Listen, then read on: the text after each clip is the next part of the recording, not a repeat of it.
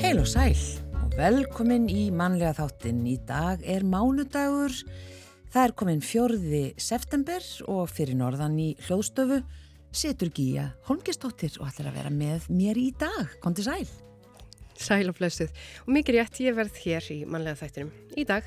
Og morgun og hinn. Og morgun og hinn, já. Og ég verð að spyrja eh, hvernig viðrar fyrir norðan? Það er nú bara ágæti sveður hér uh, á Akureyri.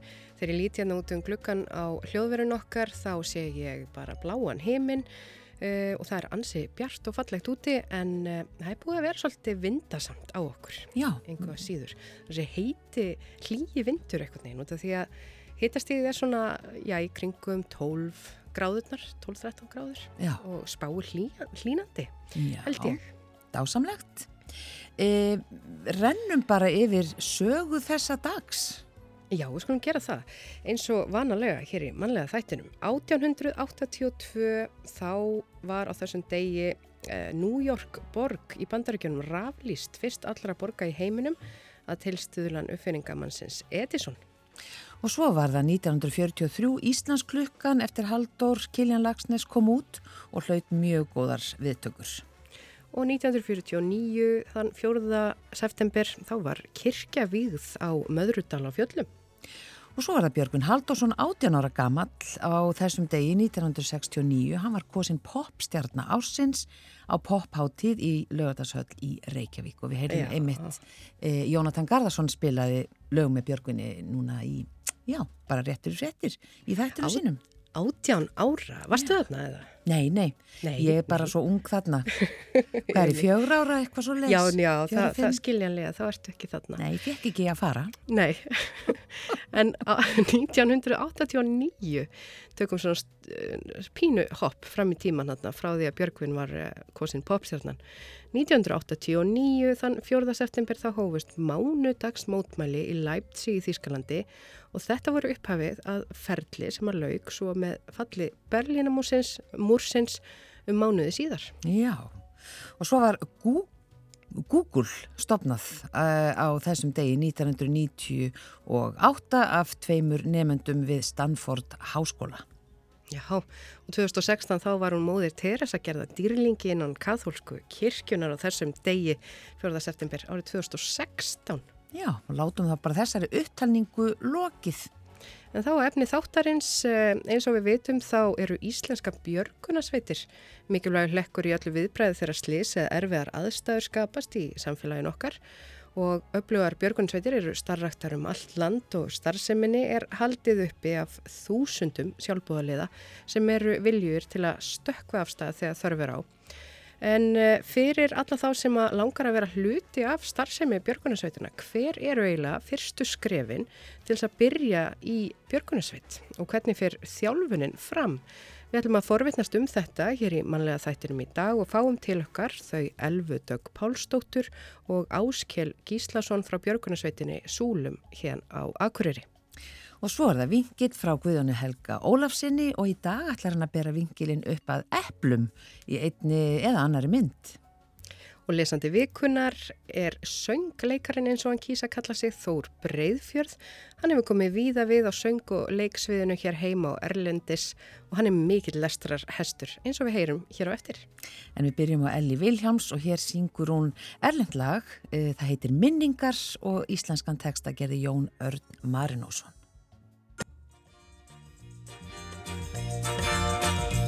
Á vorin þegar kvöldið drefur ofur fljótt á austur gluggan minn. Er eins og það sé kvöldi er við mættumst nýr á torgi fyrsta sinn. Og stundum er ég horfir þar á fólkið fara hjá. Mér finnst það sömu andlitin og þá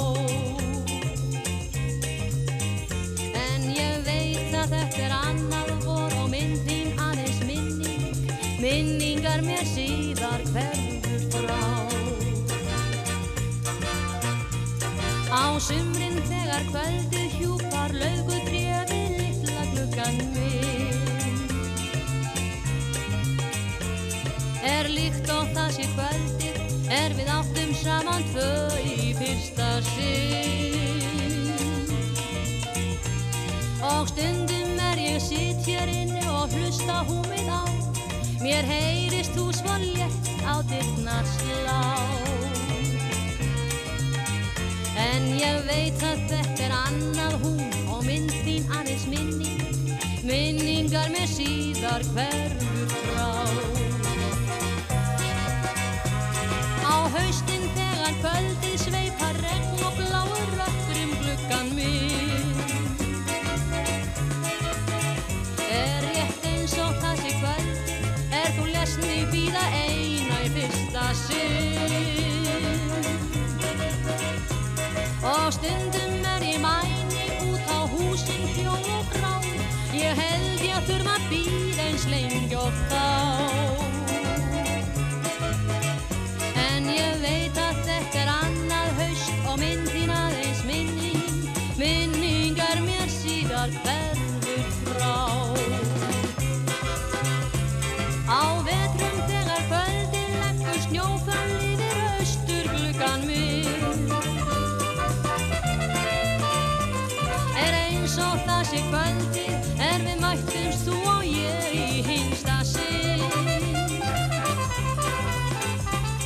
Og stundum er ég brosin oft í vöku þinni hjá. Mér virðist ég andið þitt í svipan sjá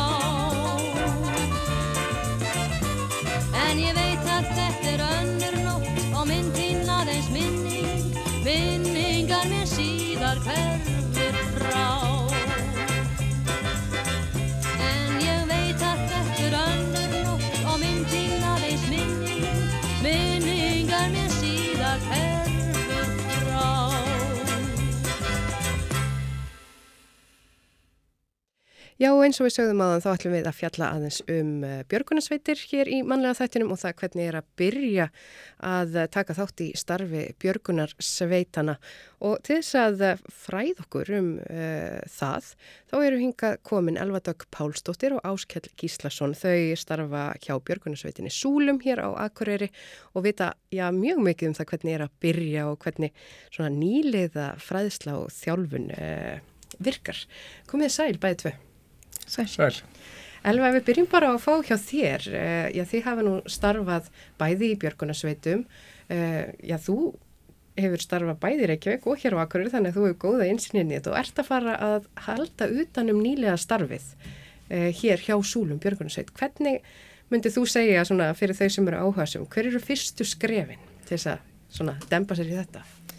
Uh, Fyrstu skrifin væri þá að koma til okkar á nýlega kynningu, núna 13. september, nýri Hjaltaregötu 12, sérst í húsnaðin okkar, klukkan 8. Það eru bara allir 17 ára og eldri velkomnir að koma og kynna sér starfið og förum við yfir dagskráreitrarins og svona hvað, hvað við ætlum að gera og svo í kjálfarið því þá byrjar þetta bara á fullu. Já, og byrjar á fullu, hvað þýð það? Uh, Það er í rauninni byrjuð við strax vikun eftir með fyrstu námskeið sem eru fyrstu hjálpin hjá okkur. Það er alveg þryggja daga námskeið og svo bara, já, það eru námskeið eins og mánuði hjá okkur og svo erum við með vinnukvöld alltaf á miðugdagskvöldum þar sem við erum bara fara yfir, fara í gegnum núta, búnaðmál og alls konar svona sem að aðstóra okkur í starfin okkar. Já, og þú talar um þetta út frá þetta súlum í björgunsveitinu hér á, á Akureyri, en það eru þetta fullt af björgunsveitum um allt land og það eru mismunandi kannski kynningafundir hjá hverju og einn björgunsveit. Já, þeir byrjuðu flestir um meðan ágúst veit ég fyrir sunnan. Við erum svona í setniskipunum hérna fyrir norðan. En það eru flest allar, starf, allar sveitir sem bjóðu upp á þessa kynningafundi, 1-2 fundi. Já, en er þá þetta að koma inn í starfsemi, sko, þó maður hafi mistað kynningafundunum eða byrjunum á fræðslunni, er þetta að koma inn í setna? Já, já, það er ekkert mál. Bara að senda okkur annarkort á Facebook eða tálupóst og þá bara græði við það. En uh, Ási, Áskell, þú hérna ert búin að starfa í Björgunarsveit uh, í eitthvað tíma og þú sko uh, varst með þessa nýlega þjálfun í fyrra. Hvernig er að halda utanum svona hóp sem kemur inn, nýr og uh, allar þær svona upplifanir sem að því fylgir? Heru, það er bæði gaman og gefandi. Uh, ég var að samt tveimur öðrum, umsjónamæður, við vorum umsjónamenn um prógrami hjá okkur. Það er alltaf að mætir alls konar fólki og öllum aldri. Við erum að fá hérna einmitt frá 18 ára og upp í 50, 60, sjálfur var ég 40 og eitthvað. Já, þegar þú ég byrjaði. Já, Já, já, ég byrjaði 2018 og ég er 52 ára í dag og það er þó auðvelt fyrir fólk að reikna hvað ég var hann gammal. Maður þroska seint. Já, Uh, eins og segið, það er bara öll flóran af fólki sem er að koma og maður er bara hérna, vinna með fólki á öllum aldri og öllum stigum, ég meina það eru framkvæmtastjórar, fjármálastjórar, nemar bara fólki á öllum stigum í rauninni mannflórunar. já. Aðeins svo nóta því að þú opnaðir á að þú hafi farið eh, svona setna kannski inn í Björgunsveitin heldur en margir. Já. Um, hvað svona dróð þig að, að þessu starfi? Herði, ég hef alltaf haft mjög mikið áhuga á útiveru og svona öllu sem að mér hefst tengjast þessu björgunar sveitastarfi og var gegnum, og hef í gegnum tíðin að vera að leika mér á snjósleðum og, og fyrst ætla ég nú að hérna, bara komast í snjósleðaflokkin á sveitinu og vera þar. En svo í náminu sett, eða á námskíðunum þá byrjaði maður að fá áhuga alls konar skrýtnur hlutum. Bara til dæmis eins og hanguðan í klettum í línu eða lærin snjóflóð eða fyrstu hjálp eða leitatekni, strömmvatn Mm. og bara svona hægt og rólega breyttist áhuga sviðið mitt út í það, ég, ég hef mikið áhuga á snjóslega með þá en, en þú veist ég hef mjög mikið áhuga á klefri og, og bara öllu því sem að við kemur þessari útíveru og það er það sem er mér svona vera skemmtilegast við þetta að maður sér nýja hluti og fær að prófa og allt í hún er maður bara orðin alveg forfallin af áhuga Já. á nýjum hlutum. Já, og, og þetta er, hvað er stór hópurinn yfirleitt sem byrjar í uh, nýlega þjálfunni, eins og til dæmis hjá Súlum? Það er allir gangur á því. Hópurinn sem ég byrjaði í, þegar ég byrjaði hérna fyrir norðan, þá voru við 30-40 Já, já, já. og svona kannski 10 sem standa eftir sem eru komnir inn í sveitinu núna en er náttúrulega, fólk er bara að taka þetta á sínum hraða. Við leggjum upp með að prógrami sé átján mánuð, mánuðir nýlega prógramið en þú veist, fólk tekur þetta bara á sínum hraða. Það er ekkit allir sem geta klárað þetta á svona tíma, allir fólk með fjörskildur og, og bara lífið. Já, einmitt. Og þetta er alveg tímafrægt eh, eins og til dæmis að vera í björgunarsveit, þetta er sjálfbúðarlega starf og uh, þú talar um hversu margir hérna, fundir væru og svona, en ég er aðeins að velta fyrir mig með búnaðin þegar að fólk byrjar, það er kannski eitthvað sem að fólk setur fyrir sig. Þar maður að eiga rosalega mikið þegar maður ætlar að byrja í björgunarsveit.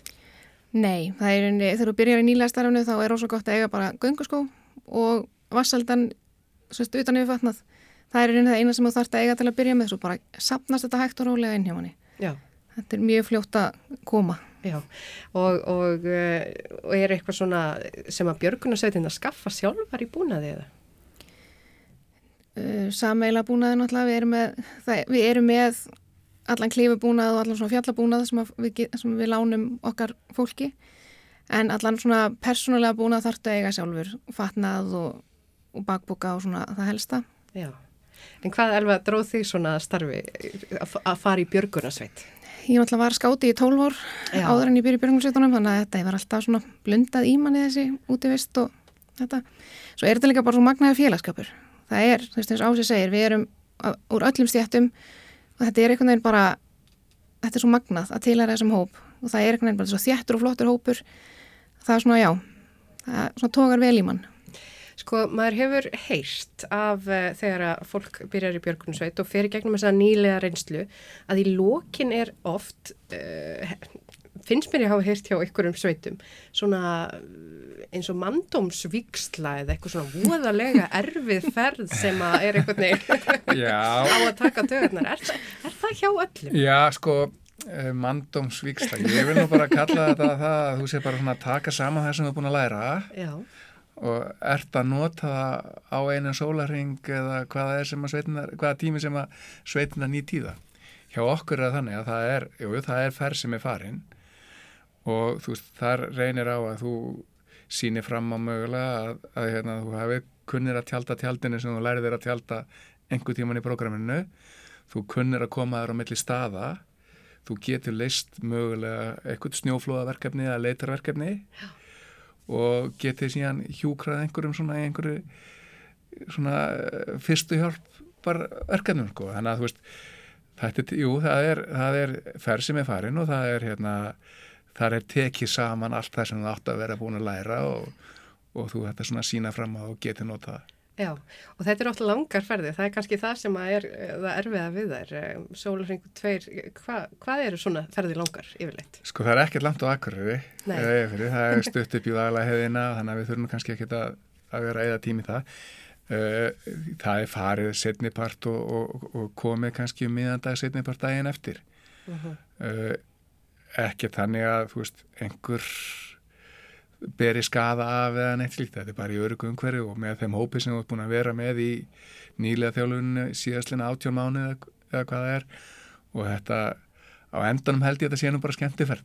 Já, en þó að reyni ábyggla á þú veist, kunnáttu og, og svona sé aðeins reynda að tröfla fólk og, og ruggla það í rýminu. Já, er það svoleiðis? Eru þjálfarinn svona eins að, að, að, að um, gera þetta erfiðara á vissum tímum ferðarinnar? Ef ekki segja bara að sé vera að tryggja það og geti nota það sem hún varst að læra. Já, já.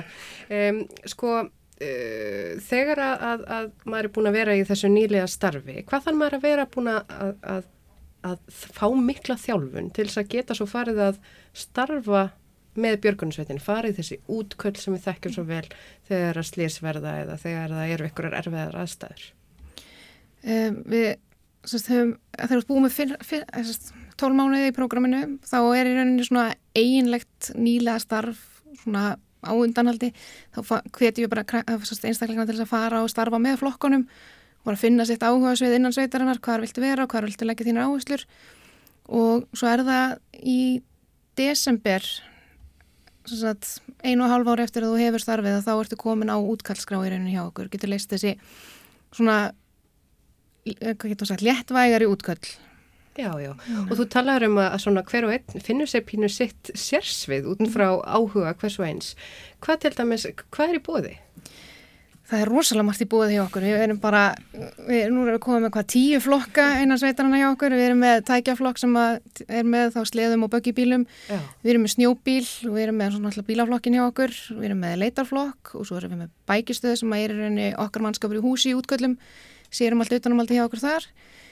Um, við erum Bátaflokkur. bátaflokkurinn, við erum með fyrstuhjálpaflokk og svo erum við með sérst, undanfara og útilísflokk og það er alveg heljarana prógram þar í gangi. Þannig að þetta er svona, já. er það að vera í björgunarsveit, er þetta bara ákveðin lífstíl? Uh, já og nei, mér finnst það alveg bara að vera góð skemmtun. Já. Þú veist, uh, hvað mig var þar, ég er búin að, uh, þú veist, eins og ég er orðinn 52 og búin að prófa ýmislegt í lífinu og mér finnst ég bara að geta komið þarna inn í eitthvað svona skemmtilegt umhverfi, fólk sem hefur alls konar áhuga á mál, uh, maður er alltaf að kynnast nýja fólki, við förum í útkall og hittum fólk hérðan og þaðan að landinu sem að maður kynnist hægt og rólega, sér sömu andlitin aftur og aftur, fer á námskeið það sem að aðra sveitir er að koma inn á. Þannig að maður er bara svona bara eignast nýja vini og, kynnast nýju fólki. Þannig að Já.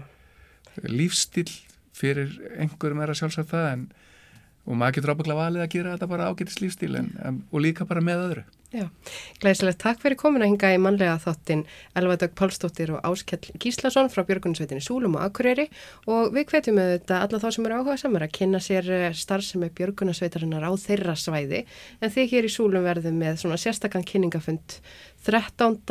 september Já, passar. sem er í næstu viku. Já.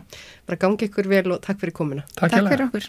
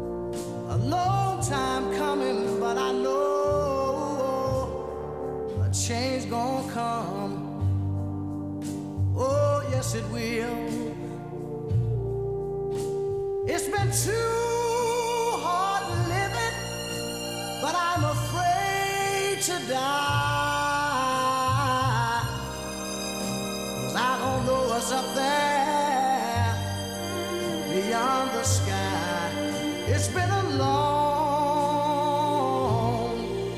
a long time coming, but I know a change gonna come. Oh, yes, it will. I go to the movie and I go downtown. Somebody keep telling me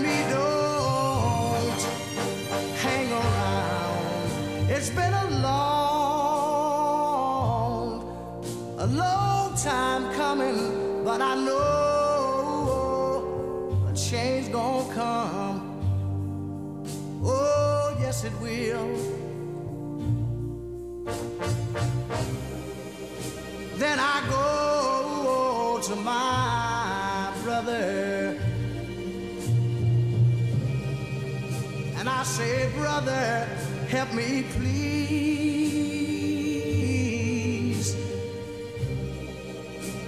But he winds up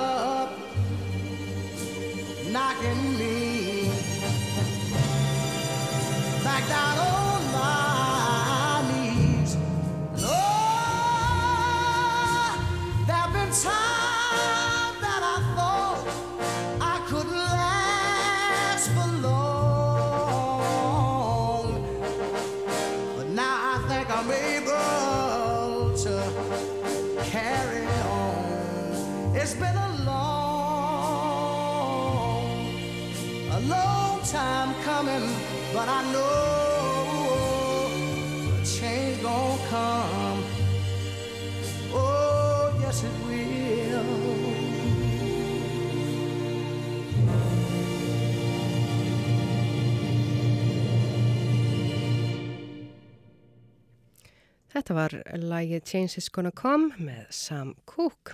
En þá er komið að vinklinum frá honum Guðjóni Helga Ólafsinni. Ágætu lustendur. Handritið að vinkli dagsins er ekki skrifað í flóanum eins og venjulega. Heldur norður í strandasíslu og kannski hefur það einhver áhrif á innihaldið. Ég get upplýst að umhverfið er mér kunnulegt en sjónarhornið er þó með öðrum hætti en ég er vanur hérna fyrir norðan. Ég var nefnilega aðstóðar smali og sósugerðarmadur hjá Árna Jóni Eithorsinni og Sigurlaugu frænguminni í áratugi. En þau voru lengi bændur á bálkastöðum í Hrútafyrði sem er austanvert við fjörðin. Nú er ég statur vestanmegin í Hrútafyrði. Nánar tiltekið í kjallara gamla íbúðarhúsins á bænum Kollsá. Og fyrir þá sem hafa gaman af að tengja staði við fólk að þá er þar ættaróðal Sveins Karlssonar, bifilega virkja meistar á Borðeyri, sem er fósturfæðir Birkis Krismundssonar vinar minn sem giftur er Sóliðu Láru frængu minni en hún er dóttir Átna Jóns og Sigurlaugur. Við hittumst hérna gömlu smalarnir á Bolkastöðum og rifjum upp eitthvað af okkar gömlu töktum en berum það reyndar ekki við að fara fyrir kinda þessu sinni. Látum kvöldvökurna og samveruna duga.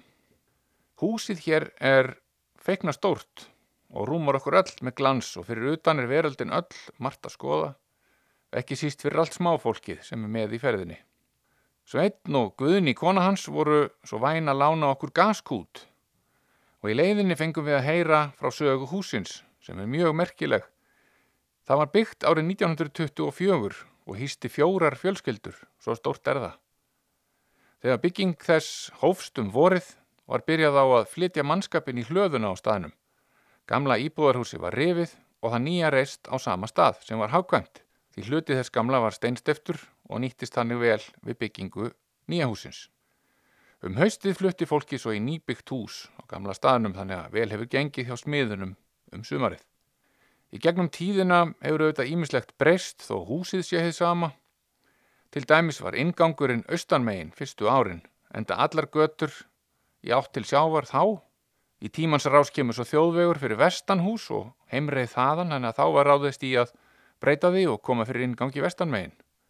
Og fleira átti auðvitað eftir að breytast varandi nýtingu íbúðarhúsins á Kolsá því búháttar breytingar til sveita gerðu það að verkum að færri og færri sóttust eftir að búa félagsbúum. Eitthvað að fólkinu fluttist burt og fann sér annað að starfa og eftir var þetta stóra og vandaða hús. Eigendurnir sinnaði hins vegar vel, passa upp á allt sér hér í lægi og sannlega er hér gott að vera. Og einna væli hverðunum á gæði staðar er ef hengja þarf föt til þerris eftir að framtaksamt ungt fólk hefur skoðað áhugaverðan læk í nágrenninu og grasgræna á njám þess sama fólks er líka gæðastempill. Svo lítill, súkulaði klíningur í munnviki ber líka vott um velhefnaðan kaffetíma og aðtapnasamt fólk hefur að sjálfsögðu magamál fyrir góða lambasteik og rappa bara pæ nokkrum tímum setna. Það þarf orku til að reyfa sig, hugsa, hlæja og spjalla. Ég segi bara pæ eins og það sé sjálfsagt hef aldrei komist í takt við að nota orðið baka um pæ. Tengi ekki við það og ætla að vera durgur og nota útlenska orðið og að mér fyrirgefist það en lýsi hér með eftir betur hefnaðri þýðingu á fyrirbærinu. Rappabarinn heima hjá mér er nú farin að berja nesti. Þetta verða síðustu stilkarnir sem nýtast í ár en við drýjum bara pæið með nokkrum grænum eplum og gefum réttinum örlítinn blæ af uppskerutíma eplatrjána hjá nágranna þjóðum okkar. Þeir sem hafa ferðast til dæmis um Norðurlöndin á þessum ástíma vita að matargerðin ber þess vitni. Á þessum tíma fær maður ný kreistan eplasafa á glerflöskum eða must eins og það kallast til dæmis í Svíþjóð. Það er einn himneskur drikkur og slæri einlega flestu við. Við Íslandingar getum sem betur fyrr keift okkur epli í næstu kjörbúð allt árið og getum æfinlega valið um nokkur yrki. Þau algengustu eru til dæmis græn og súr, græn í smið. Einn tvílitu jónagóldepli eru vinsæl. Pink Lady kom að hinga austan úr Kína en frá Norður Ameríku þau sætu og rauðu Red Delicious, vestaklega um jólinn og eru mjög algengi vestlunum hér. Í sjálfus er ekki slæmt fyrir eigu norður í Ballarhafi þar sem eplarektun er enni mjög smáum stíl að hafa aðgang að þessum vítaminbombum sem eplin eru. Ratimaður hins vegar inn á ávastamarkað í Svíþjóð á þessum ástíma er alveg möguleiki að koma sér upp valkvíða. Þar fást til dæmis Aroma, Adams, Permain, Alice og hinn kvítu Astrakanepli sem að koma uppháðlega frá Rústlandi voru alveg stórkostleg og svona er lengi, lengi hægt að telja. Allir hinnir í stafráinu eru eftir og endalust til. Epli eru líka rík af skaldskaparmáli eins og fræktir orðið. Nægir að nefna hana Evu í Edem sem snákurinn plataði til að býta í eplið í biblíusögunum. Ég veit nú við ekki að það eru bísna langt síðan ég glugga í þær ágætu sögur og mann það er ekki smáatriðum frekar en annað svo sem en það er alveg á hreinu og það er ákaflega oft vittnað í þær bæði í daglegu tali og ekki síst í skáldskap. Kanski er þetta ganga svo langt að halda því fram að sagan af Adam og Efu í Eden sé undirstöðukenningi í vestrænum skáldskap. Við gerum einhvern veginn sjálfkrafa ráð fyrir því að fólk þekki þá sögu og grípum óhika til þess að vitna í hana, þess og kruss. Ég ætla þess að láta það bara eiga sig og endur segja söguna frumbyggjunum í Paradís. Nú eða söguna Mjallkvíti sem átt eitraða eplið frá vondur stjúpunni og breða á það ráð að fara með nokkra línur úr bókinni Eitruð epli eftir hana gerði Kristníu rittöfund og skáld sem er í miklu uppáhaldi hjá mér og fleirum. Kjarnirt og marg verðlaunu sem hún er út um allan heim og ég hveti ykkur til að lesa allt sem hún hefur gefið út. Við grípum niður í söguna Engin Engill, hvar sögu heitjan hefur á leið sinni til sætkenda áfengisráðgjafans ástu. Í ógáti stíið í steipu verkamanna og skamma þá fyrir að gerða vinnusvæðið ekki af en þegið barsmíðar að launum fyrir aðtúasendina. Ásta ætlar að halda vestlu eins og kemur í ljós og okkar kona var fengin henni til aðstóðar. Tilvitnun hefst með auðfengnu leifi höfundar. Jæja, hvert er tilefni vestlunar, spyr ég hátíðleg eins og hæstarétta dómari og dref blokk og blíjant. Ég á erfitt með að tala fyrir verkjum í kinninni. Ég er að fara að halda upp á 30 ára afmiðinu ammali mitt, segi konan. Ég get ekki neyta því að þetta setur mig aðeins út á læginu en glósa það samt skilmerkilega hjá mér. E, hvernig snittur viltu? Ég vil að séu með grænmyndsáleiki. Ég er grænmyndsæta. Ég var ung gefin káli. Myndu agurkur hæfa, spyr ég, varfærnislega. Já, já, mér er alveg sama, bara sé grænmyndaðum. Guð, hvað kom fyrir andlitaður húr stokkbólgin? Ég var lamin á leiðinni hingað. Það er ekki að sjá að konan kippi sér neitt sérstaklega upp í það að gestir hennar lendi í bartmíðum við útidirnar hjá henni. Frænka mín var einu sinni alltaf að láta leið með sig. Hún sagðist samt alltaf bara að hafa rekist á skáp. Allir trúði en það var hún í IKEA. Fólk komst ekki að hennu sanna fyrir en konan hætti að vinna þar og ekkert láti var á bólunum augum. Ásta hallar sér fram í stólnum og réttir með höndina út úr löfþykninu. Eitt andartak held ég hún ætli að pota fingrunum í augun á mér til að auka vanlíðan mína. En þessi stað stríkur hún kinnin á mér. Það er eitt sem er átt að segja konum í minni fjölskyttu til tekna. Við vitum hvað glóðuraugu eru lengi að hverfa. Ég gef þínu ekki meir en þrjár vikur. Á maður ekki alltaf að leggja hrátt kjöt á glóðuraugu, spyr ég. Ég er ekki til neitt kjöt. Og þó, það er kannski til bjúi frá 1944 sem sónum minn kaupur stundum. Þú fer samt ekki að stingaði mig þér. Tilvitnun líkur og maður fer ósjálfrátt að velta fyrir sér mismunandi merkingum eitraðra epla eftir samhengi. Sjálfur þykist ég hafa sloppið bærilega frá því að hafa áhyggjur af eitruðum eplum í mínu lífi. En þá reyfjast upp samband mitt við eplijarðar, efnilega kartöblur. Ég setti niður seint þetta vorið, en það alveg frámunalega kallt og leiðinlegt á. Í júli var svo ákaflega þurfiðara samt og þegar ég kíkti undir tvö grösum miðan ágúst var ákaflega lítið að gerast. Undirvöxturinn kannski á starfið útlensku bláberinn sem hægt er að kaupa í plaststöllum kjörmarkaða hér á landi og koma langt að. Þegar ég var á leiðinni norður síðastliði förstutaskvöld var fyrsta höstlægðin komin í heimsókn. Ég held að byggingarefni, hundar, kettir, traktorar og aðrir lausamunir hér hafi verið í þokkalega sjókláru ástandi en vissulega hefur maður alltaf áhyggjur af kartablugrössum þegar veðrið gerir, gerir uppsteitt á haustin. Maður veit ekki nema allt lemjast til og frá og endi kólsvart á jörðinni. Ég dreif mig út í garð þegar ég kom heim og kíkti á grössin. Sýnist verið allt í lægi þannig en svartir í aðrar á nokkrum blöðum kannski sleppur þetta. En taugarnar er alveg í lægi samt, ég heilsaði nú heimilisfólkinu áður en ég fór út í garð. Allt reddast nefnilega alltaf. Góðar stundir.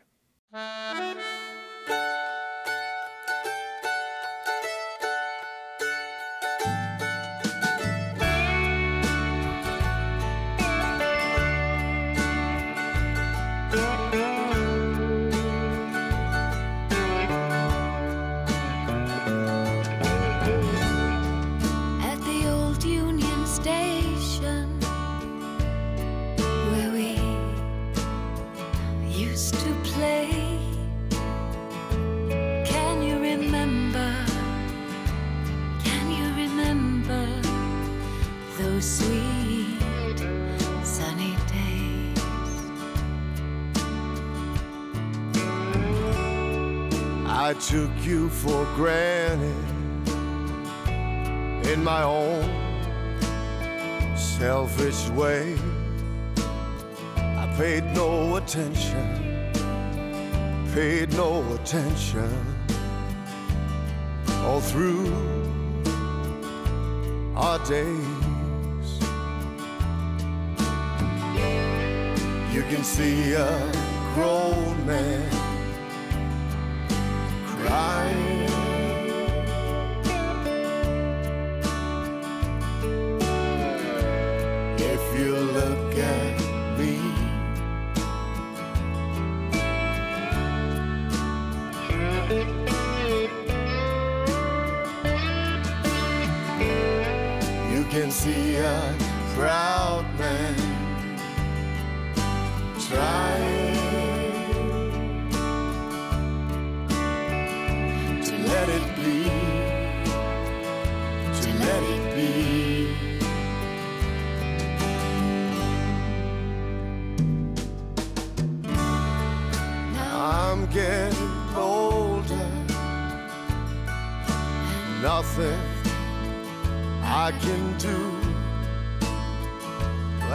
I've been making, but I wish I'd been making sweet love to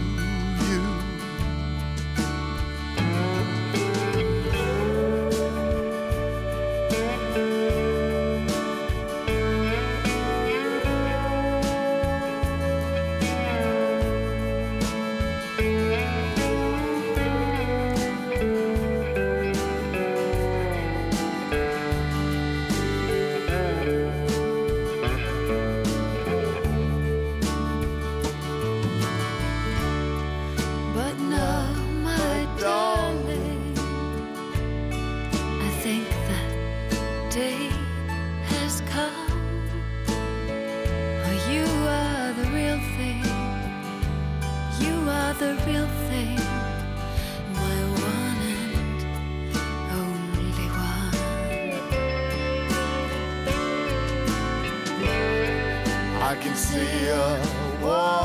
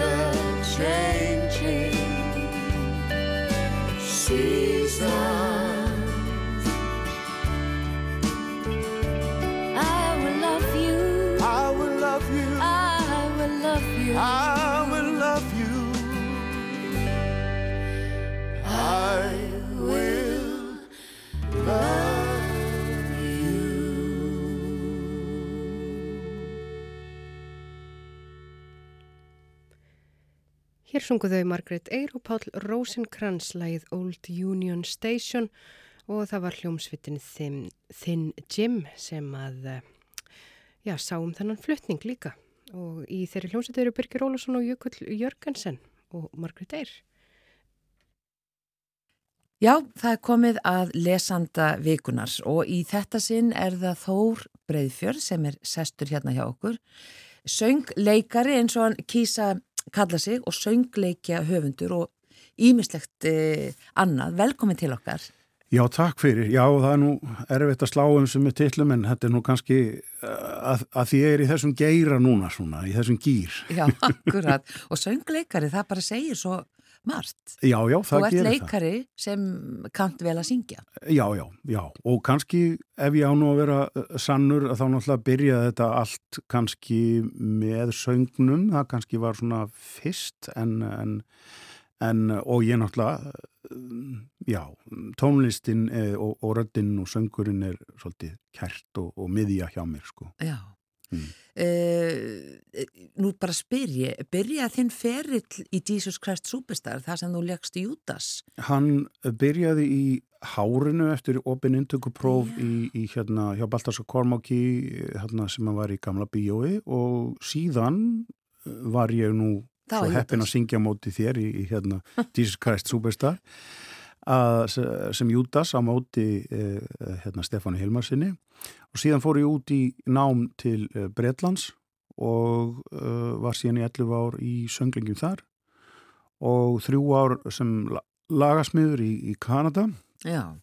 og svo er ég búin að vera hérna á Íslandi að náttúrulega bara syngja og vera í söngleikjum og var náttúrulega í vesalingunum uh, hérna fyrir kringu 2012 og, og, og er svona reglulega í svona eldborgar söngleikjum og, og þannig að þetta er mjög ríkt og stjórna söngleikja deildinni hjá söngskóla Sigur að Temens. Akkurat. Vísinda skálskapur eða svona fantasíu bókmyndir, það er eitthvað sem, sem svona er stert hjá þér. Það er alveg, það tengist mjög mikið held ég á þessa sagnamennsku hjá, hjá mér inn, í, í söngleikina. Eh, Ég hef bara, og viður kennið það fúslega að ég er, hef verið mikið þessum sagt svona í þessum episku ævintýra skáldsögum og, og vísindaskáldsögum líka. En mér finnst þetta mjög heillandi form, sko. Já, akkurat. skapandi. Og hvað heitir fyrsta bókin? Fyrsta bókin er bók, svo rosalegu dóðrandur sem að, að ég var gríðalegu lestrahestur þegar ég var lítill strákur. Ég var hjá Afa og Ömmu og var eiginlega búin að lesa allt bókasamni hjá þeim, þjóðsögum Jóns Árnarssonar og ég veit ekki hvað og hvað rittarasögur og, og hérna og heimaði best og þá finn ég þennan dóðrand sem heitir Egiptin. Þetta er svona margt merkilega bók. Þetta er söguleg skáldsaga sem kom út uh, 1945 í Finnlandi. Kom hérna út uh, 1952 í þýðingu uh, Björns og Björnssonar. Og sko, það er sagt að höfundurinn hafi skrifað hana á þremu mánuðum í skugga stríðsins sem er þá þarna, eitthvað tímar fyrir 1945 ég trúi því nú ekki því þetta er risastór saga. Líklega hefur uh, mik mikla rannsóknir átt sér stað á undan og melding en sagt þetta um þetta gerist um uh, 1330 fyrir Krist og þetta er sagt þetta er, þetta er, þetta er eiginlega smá heimildaskáldsaga en þetta er ævintýrasaga. Hún er mjög svolítið svona uh, hvað segir maður á góðri íslensku svona, er, það eru svona grimd í henni Mm. þú veist. Uh, og hún er skrifuð á þessum finna þannig að svona eftir á þá er hún þú veist það eru svona erfið örlög þarna sko. Já, en þú farið allt í einu einsýn inn í uh, túlkun höfundar á hvernig það var og, og, og hann var búin að rannsaka heilmikið að lifa á Egiptalandi á þessum tíma og ferðast yfir löndin sem Egiptaland uh, réði yfir og, og svo lendir hann á Krít og það er lindadómurinn hérna um skrimslið í völundarhúsun í Knossos og, og, ég bara, ég veit ekki hvað ég verið gammalt, mjög ungur, ég hafði það af að lesa þessa bók og, og ég var, það var svona byrjun á þessu svona fyrir utan þjóðsögu Jóns Árnasonar en á svona stórum episkum verkum já, sem nota sem sagt, sköpunina til þess að svona og skoða og sumir hafa einmitt farið út í að spá í sko hvort að, að eitthvað af sögupersonum sé að endur spekla eh, personur, þú veist, eins og Stalin og, og eitthvað svona úr nútímanum hjá höfundi, af því Já. að hann er náttúrulega að skrifa þetta og það er svona endur speklast mikið svona ákveðin svart síni á mannlega náttúru þarna sko, mm. sem er ekkit skrítið í lók setni nei. heimstyraldarinnar sko. já. Og bók nummið tvö? Bók nummer tvö, það er náttúrulega það er svo sem er ekki mikið að segja um hana. Það er Lord of the Rings, uh, Ringadróttin saga, að náttúrulega búið að gera þessa kvikmyndir um þetta en fyrir mig að lesa þetta byrjaði, þá byrjaði ég endanlega sem svona 16 ára unglingur uh, eftir ég hafði af að lesa hana alla, alla þessa bækur Já, að verða aðdáðandi þessara bókmyndar uh, þetta er stundum kalla svona svona æðri epísk uh, fantasía en, en, en, en allavega þannig að það hafði mikil áhrif á mig en mér langaði síðan þá það er svo sem ekkit mörg orð að hafa um það, þetta er mjög þekkt verk um, en mér langar að aðeins að víkja að svona í einu, einu knippi saman að það eru tvö verk sem að eru sko frá mínu sjónahorni falla svolítið undir að vera svona ævintýrasögur og, og, og svona hérna á Íslandi og það eru mjög tvö ólík verk að aldri og höfundi. Það er annars vegar Grettisaga já, það er gríðarlega örlaga og ævintýrasaga og þá veist það eru það eru þarna tröll og, og, og, og draugar og, og, og ferðir hérna frá Íslandi. Uh, þannig að uh, hún er alltaf svolítið sérstök uh, að því að þú veist hann er svolítið andhetja sko, hann Grettir er einlega svolítið svona þjófur og, og, og- bastarður sko. Er að bara hann að hitta fólk upp á heiði. Hei, mér líst vel á fötið þín, farð úr þeim þú veist. Uh, en uh, en síðan er þetta stórkostlega verk sem að unglingar hafa verið nitti til þess að- lesa í gegnum árin. Og það er Íslandsklukkan og það eru margir sem eru hrifnir af öðrum verkum en mér finnst Íslandsklukkan vera algjörlega frábært verk og þar kemur einmitt þetta líka að þessi ferð Jóns Hreggviðssonar frá því að vera hittur þarna og vera frelsaður og, og, og, og fara síðan í þessa undra ferð sína um heiminn og koma síðan tilbaka og, þetta er bara að vissu leiti ævintýrasaga sko. mm. Og þá er það bara síðasta bókin Þór, Breiðfjörð. Uh, já, það er sem sagt, já eins og ég segi, ég ætla aðeins að lauma, uh, sko ef að þessar eru saman, það er bara snögglega eitt sem að heiti The Deep Range, að því að það er uh, vísindaskálsagna höfundurinn Arthur C. Clarke, hún er frá 1957, og hann er algjör hugsuður og einmitt það sem ég heillast líka að, ég menna hann fekk hugmyndina að gerfinetti og reynda að sækja um engaleifi á því og þeir bara hlóa á honum. Já, og hérna og svo kom bara árið setna kom, þú veist, spútningu upp sko. Að það er þessi hlutverk líka þessara sköpunar og, hugsuða að hérna að vera að sjá hvernig framtíðin getur litið út. Og þessi bók, þetta er nú bara eina þessi ég greip uh, hún er nú ekki framtíð sem ég stið en það er bara svona framtíð það sem að hérna, það sem að aðalpersonan er hérna hyrðingi Það er að segja, hann, hann vinnur í sjónum og þeir sagt, stóru kvalitnir eru, eru eins og kýr og þeir, það, þeir passa þá fyrir öðrum kvölum sem er að ráðast á það og, og svo er þeim slátrað eins og söðkindum sko, og, og hérna, þannig að, hérna, að kjötið er orðið uh, svona mjög dýrvara sem við passa vel upp á. Og síðan hérna er til dæmis talað um ólju þarna sko. Þeir segja í, í gamla daga þá var ólja brend þann fyrst öllum fáranlegt sko. Og svo er það allra síðasta bóki mín. Og þetta er ekki uh, ævintýri eða fantasíubók en ég hef svolítið gaman líka að lesa svona spekulasjónir um, um hérna um mennskuna og mannin og, og, og svona. Uh, þetta er, heitir uh, The Tipping Point. Þetta er bók frá 2002 eftir Malcolm Gladwell. Og þetta er svona eiginlega fjallar um hvernig lítil þúfa getur velt þungu hlassi. Það er að segja að það er svona einhver jafnvægispunktur, það getur svona drópin sem allt í hennu bara bum, þá breytist allt. Já.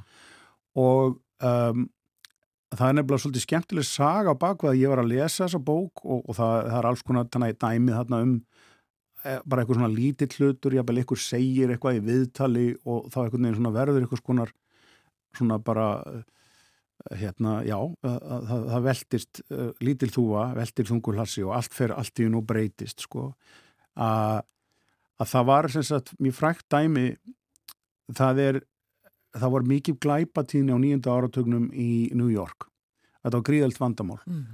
og uh, það, það var hérna að maður sem heitir David Gunn sem að hérna var fyrsta stjórnaði hérna uh, uh, strætókerfinu í Philadelphia og lagaði þannig að hann er sem sagt var bara svona, svolítið, svona maður á ískum ættum frá Nova Scotia vann sig upp og mentaði sig og kom þarna og notaði svona bara almenna skynsemi og hann sagt hann, hann byrjaði bara með þessa pælingu með strætóna og síðan yfirfæraðan það sama yfir uh, neðangra lesturnar í New York. Hann þurfti bara sjá um það og hann sagði, auðvitað hvað, ef að fólk kemur hana og það sér að það er búið að graffa vagnana og, og það er verið að ræna fólk og það er allt í rusli og það er engi stjórnáninu, að þá hugsa bara, já, það er allt í lagi að gera smá gleipi núna, þú veist. Uh, hann byrjaði á því, hann sagði, það er engin lestavagn sem er í umferð sem er graffaðir. Há er hann bara tekin úr umferð, hvað sem hann kostar og hann er, hann er bara málaður aftur. Svo fekk hann hérna, öryggisverði í svona fínum búningum sem að voru e, í lestunum, voru mjög ábyrrandi og sínilegir. Og síðan e, fekk hann, hérna, e, fekk hann verði sem voru að fylgjast með hliðunum þar sem fólk fer niður í neðjarlestina. Mm. Og e, og var að stoppa fólki að svindla sér inn frít og fólk sagði, hvað er að þér? Það er verið að ræna fólk að það niðri, hvað er þetta að pæla? Svo kom náttúrulega í ljós að þeir sem er að svindla sér inn er oft ræningarnir og svo var náttúrulega svo mikið vesen sko með til dæmis að, að fara það á kæramenn og skrá og hann bara bjóti sendiferðarbíla með faxtækjum og þá var bara þetta að sapna krimmunum saman að því að þurfti að fara með á lauruglustöðuna síðan og, ja. og, láta laurugluna hafa og og þeir voru handjátnaðir sama bara í keðju og svo voru bara settir búnt af þeim inn í sendiferðarbílinn og svo var bara faxtæki þar sem var að forvinna inskráningun á kæruna á leiðin á lauruglustöðina. Þannig að hann bara tók svona almennaskinsemi og þannig að fólk þeirra komana þá leita í kringu sig og það leita allt vel út og smá saman þá breyttist viðhorfið. Og hérna Giuliani borgastjóri hann í rauninni stalisari hugmynd og þetta var kölluð hérna uh, brotna gluggakenningin það er að segja eða þú ert ykkur staðar í ykkur götu, það brotna gluggi og það er ekki gert við hann uh, og þú veist, þá kannski byrjar eitthvað að smassa göduljósið og þá er myrkur aðna og þá fyrir hókla að hugsa að það er ekkit eftirlit hérna og svo smá saman byrjar eitthvað að selja eitthvað og svo verður allt verður og verra sko. mm. Og hann setti laurugluna út, út úr bílunum út á göttuna og ég var að segja frá þessu hvað mér þótti þetta merkilegt. Í Nova Scotia og var einmitt að tala um hérna, hvað þessi ungi maður eh, hefði nú hérna gert og hvað þetta hefði verið merkilegt. Í hérna kvöldverabóði uh, í Nova Scotia þegar við byggum þar í Mm. Kanada. Og þá segi geskjafinn, já það vist ég Já, og þá var það David Gunn, ég var bara nýbúin að hitta hann og hann var sem sagt á eftirlaunum og ég var akkurat að lesa þessa bók ótrúlega tilvilið. Já, hérna. Já. Heyrðu, En tíminn er búinn og bara gaman að fá því sem lesanda vikunar Þór Breiðfjörð, eh, söngleikari og söngleikja skáld. Heyrðu, reyndar eitt ég átti, ég glimti mér næstu því Mm. en það er, ég var náttúrulega með jólatónleika uh, fyrir jólinn sko eins og vennulega en ég er að taka þátt í frábænum tónleikum með hérna Diljá og, og hérna Stefáníu Svavas og ótrúlega hljómsveit mér langaði að minnast á það, það er núna 12. Uh, oktober í Gamla bíu og bara miðar á tix og þetta er bara risa hljómsveit æðislega náttúrulega söngfólk þannig að hérna þið vitið okkur Takk fyrir komuna. Já, hér var eh, lesandi vikunar hjá okkur í mannlega þættinum. Við fengum líka vingil frá Guðjóni Helga Ólafsinni eins og vanalega og svo forvitnuðast við um björgunasveitir í þessum þætti hér í dag. Hvernig svona er að byrja í björgunasveit og þar fram til göttunum.